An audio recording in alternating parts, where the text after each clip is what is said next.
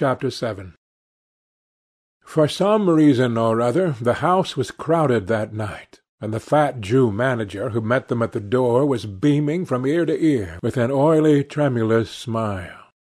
He escorted them to their box with a sort of pompous humility, waving his fat jewelled hands and talking at the top of his voice. Dorian Gray loathed him more than ever. He felt as if he had come to look for Miranda and had been met by Caliban. Lord Henry, on the other hand, rather liked him. At least he declared he did, and insisted on shaking him by the hand and assuring him that he was proud to meet a man who had discovered a real genius and gone bankrupt over a poet. Hallward amused himself with watching the faces in the pit. The heat was terribly oppressive and the huge sunlight flamed like a monstrous dahlia with petals of yellow fire. The youths in the gallery had taken off their coats and waistcoats and hung them over the side. They talked to each other across the theatre, and shared their oranges with the tawdry girls who sat beside them. Some women were laughing in the pit. Their voices were horribly shrill and discordant. The sound of the popping of corks came from the bar. "What a place to find one's divinity in!" said Lord Henry. "Yes," answered Dorian Gray. "It was here I found her, and she is divine beyond all living things. When she acts you will forget everything. These common rough people, with their coarse faces and brutal gestures, become quite different when she is on the stage. They sit silently and watch her. They weep and laugh as she wills them to do. She makes them as responsive as a violin. She spiritualizes them, and one feels that they are of the same flesh and blood as oneself. The same flesh and blood as oneself? Oh, I hope not, exclaimed Lord Henry, who was scanning the occupants of the gallery through his opera-glass. Don't pay any attention to him, Dorian, said the painter. I understand what you mean, and I believe in this girl. Any one you love must be marvellous, and any girl who has the effect you describe must be fine and noble. To spiritualize one's age, that is something worth doing. If this girl can give a soul to those who lived without one, if she can create the sense of beauty in people whose lives have been sordid and ugly, if she can strip them of their selfishness and lend them tears of sorrows that are not their own, she is worthy of all your adoration, worthy of the adoration of the world. This marriage is quite right. I did not think so at first, but I admit it now. The gods made Sibyl Vane for you. Without her you would have been incomplete. Thanks, Basil, answered Dorian Gray, pressing his hand. I knew that you would understand me. Harry is so cynical. He terrifies me.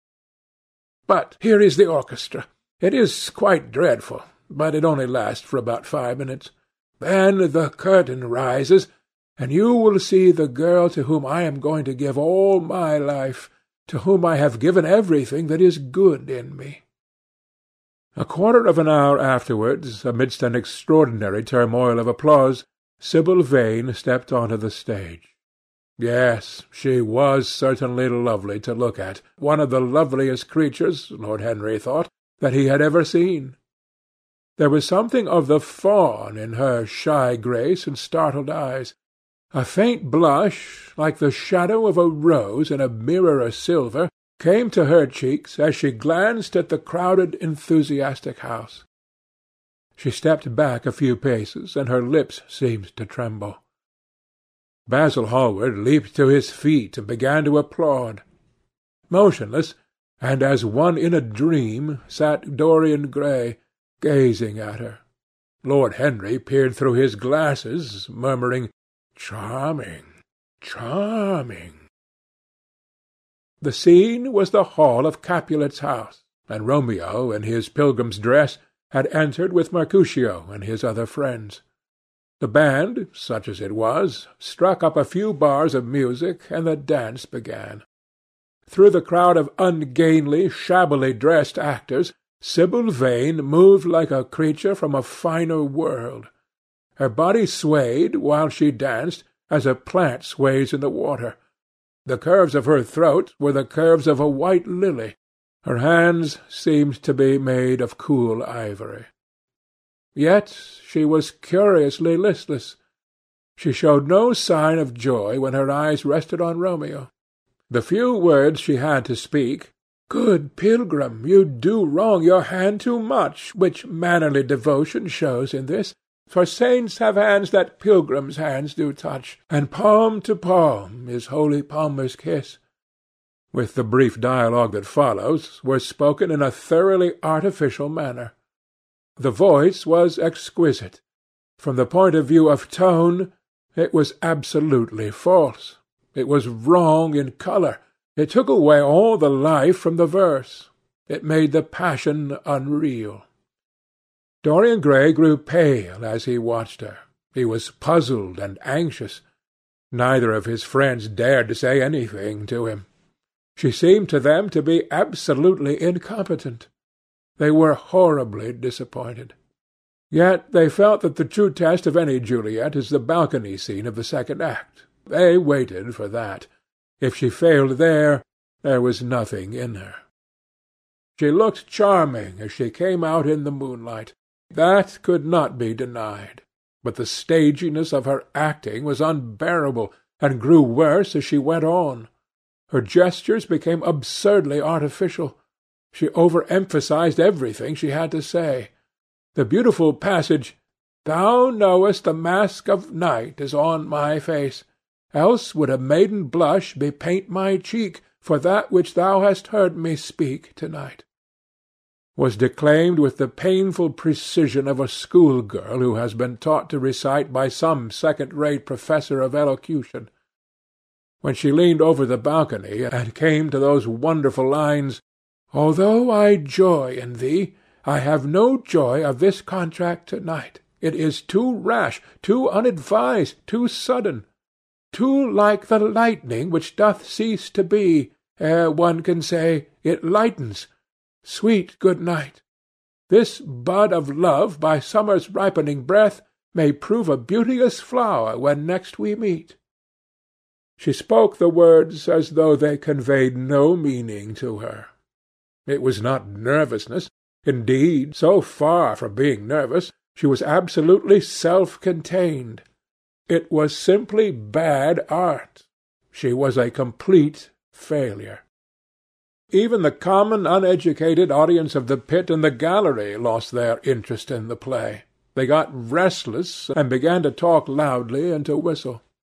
The Jew manager, who was standing at the back of the dress circle, stamped and swore with rage. The only person unmoved was the girl herself. When the second act was over, there came a storm of hisses, and Lord Henry got up from his chair and put on his coat.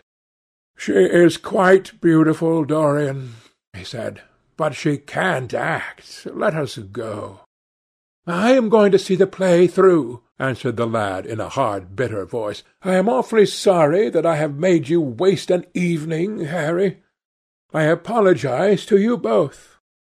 "My dear Dorian, I should think Miss Vane was ill," interrupted Hallward. "We will come some other night." "I wish she were ill," he rejoined. "But she seems to me to be simply callous and cold. She was entirely altered. Last night she was a great artist. This evening she is merely a commonplace, mediocre actress." "Don't talk like that about any one you love, Dorian. Love is a more wonderful thing than art." "They are both simply forms of imitation," remarked Lord Henry. "But do let us go, Dorian. You must not stay here any longer. It is not good for one's morals to see bad acting.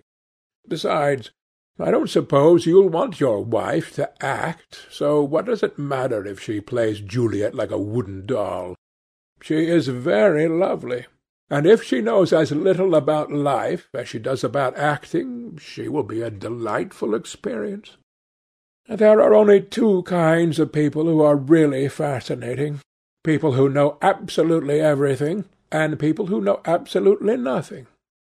Good heavens, my dear boy, don't look so tragic.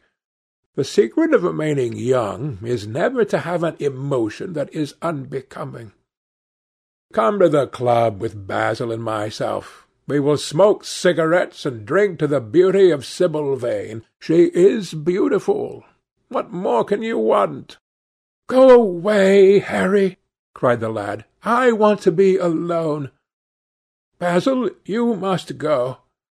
Ah, can't you see that my heart is breaking? The hot tears came to his eyes. His lips trembled, and, rushing to the back of the box, he leaned up against the wall, hiding his face in his hands. Let us go, Basil, said Lord Henry, with a strange tenderness in his voice, and the two young men passed out together. A few moments afterward the footlights flared up, and the curtain rose on the third act. Dorian Gray went back to his seat. He looked pale and proud and indifferent. The play dragged on and seemed interminable. Half of the audience went out, tramping in heavy boots and laughing. The whole thing was a fiasco. The last act was played to almost empty benches. The curtain went down on a titter and some groans. As soon as it was over, Dorian Gray rushed behind the scenes into the green room. The girl was standing there alone, with a look of triumph on her face. Her eyes were lit with an exquisite fire. There was a radiance about her. Her parted lips were smiling over some secret of their own. When he entered, she looked at him, and an expression of infinite joy came over her. "How badly I acted to-night, Dorian!" she cried. "Horribly!" he answered, gazing at her in amazement. "Horribly! It was dreadful! Are you ill? You have no idea what it was. You have no idea what I have suffered." The girl smiled. "Dorian," she answered, lingering over his name with long-drawn music in her voice as though it were sweeter than honey to the red petals of her mouth. Dorian, you should have understood. But you understand now, don't you? Understand what? he asked angrily. Why I was so bad to-night. Why I shall always be bad. Why I shall never act well again. He shrugged his shoulders. You are ill, I suppose. When you are ill you shouldn't act. You make yourself ridiculous. My friends were bored. I was bored. She seemed not to listen to him. She was transfigured with joy. An ecstasy of happiness dominated her. Dorian, Dorian, she cried. Before I knew you, acting was the one reality of my life. It was only in the theatre that I lived. I thought that it was all true. I was Rosalind one night and Portia the other. The joy of Beatrice was my joy. The sorrows of Cordelia were mine also. I believed in everything. The common people who acted with me seemed to me to be godlike. The painted scenes were my world.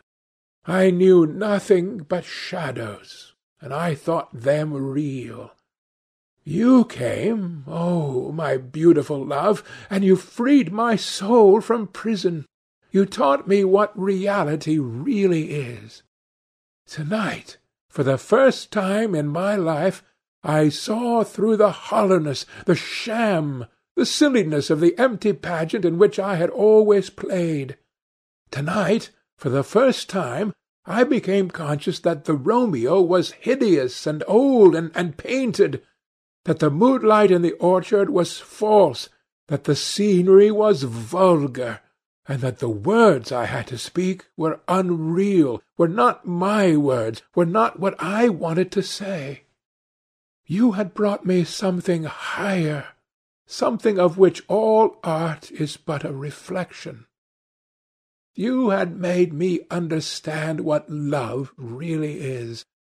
My love, my love, Prince Charming, Prince of Life! I have grown sick of shadows. You are more to me than all art can ever be. What have I to do with the puppets of a play? When I came on to-night, I could not understand how it was that everything had gone from me. I thought that I was going to be wonderful. I found that I could do nothing. Suddenly it dawned on my soul what it all meant. The knowledge was exquisite to me. I heard them hissing, and I smiled. What could they know of love such as ours?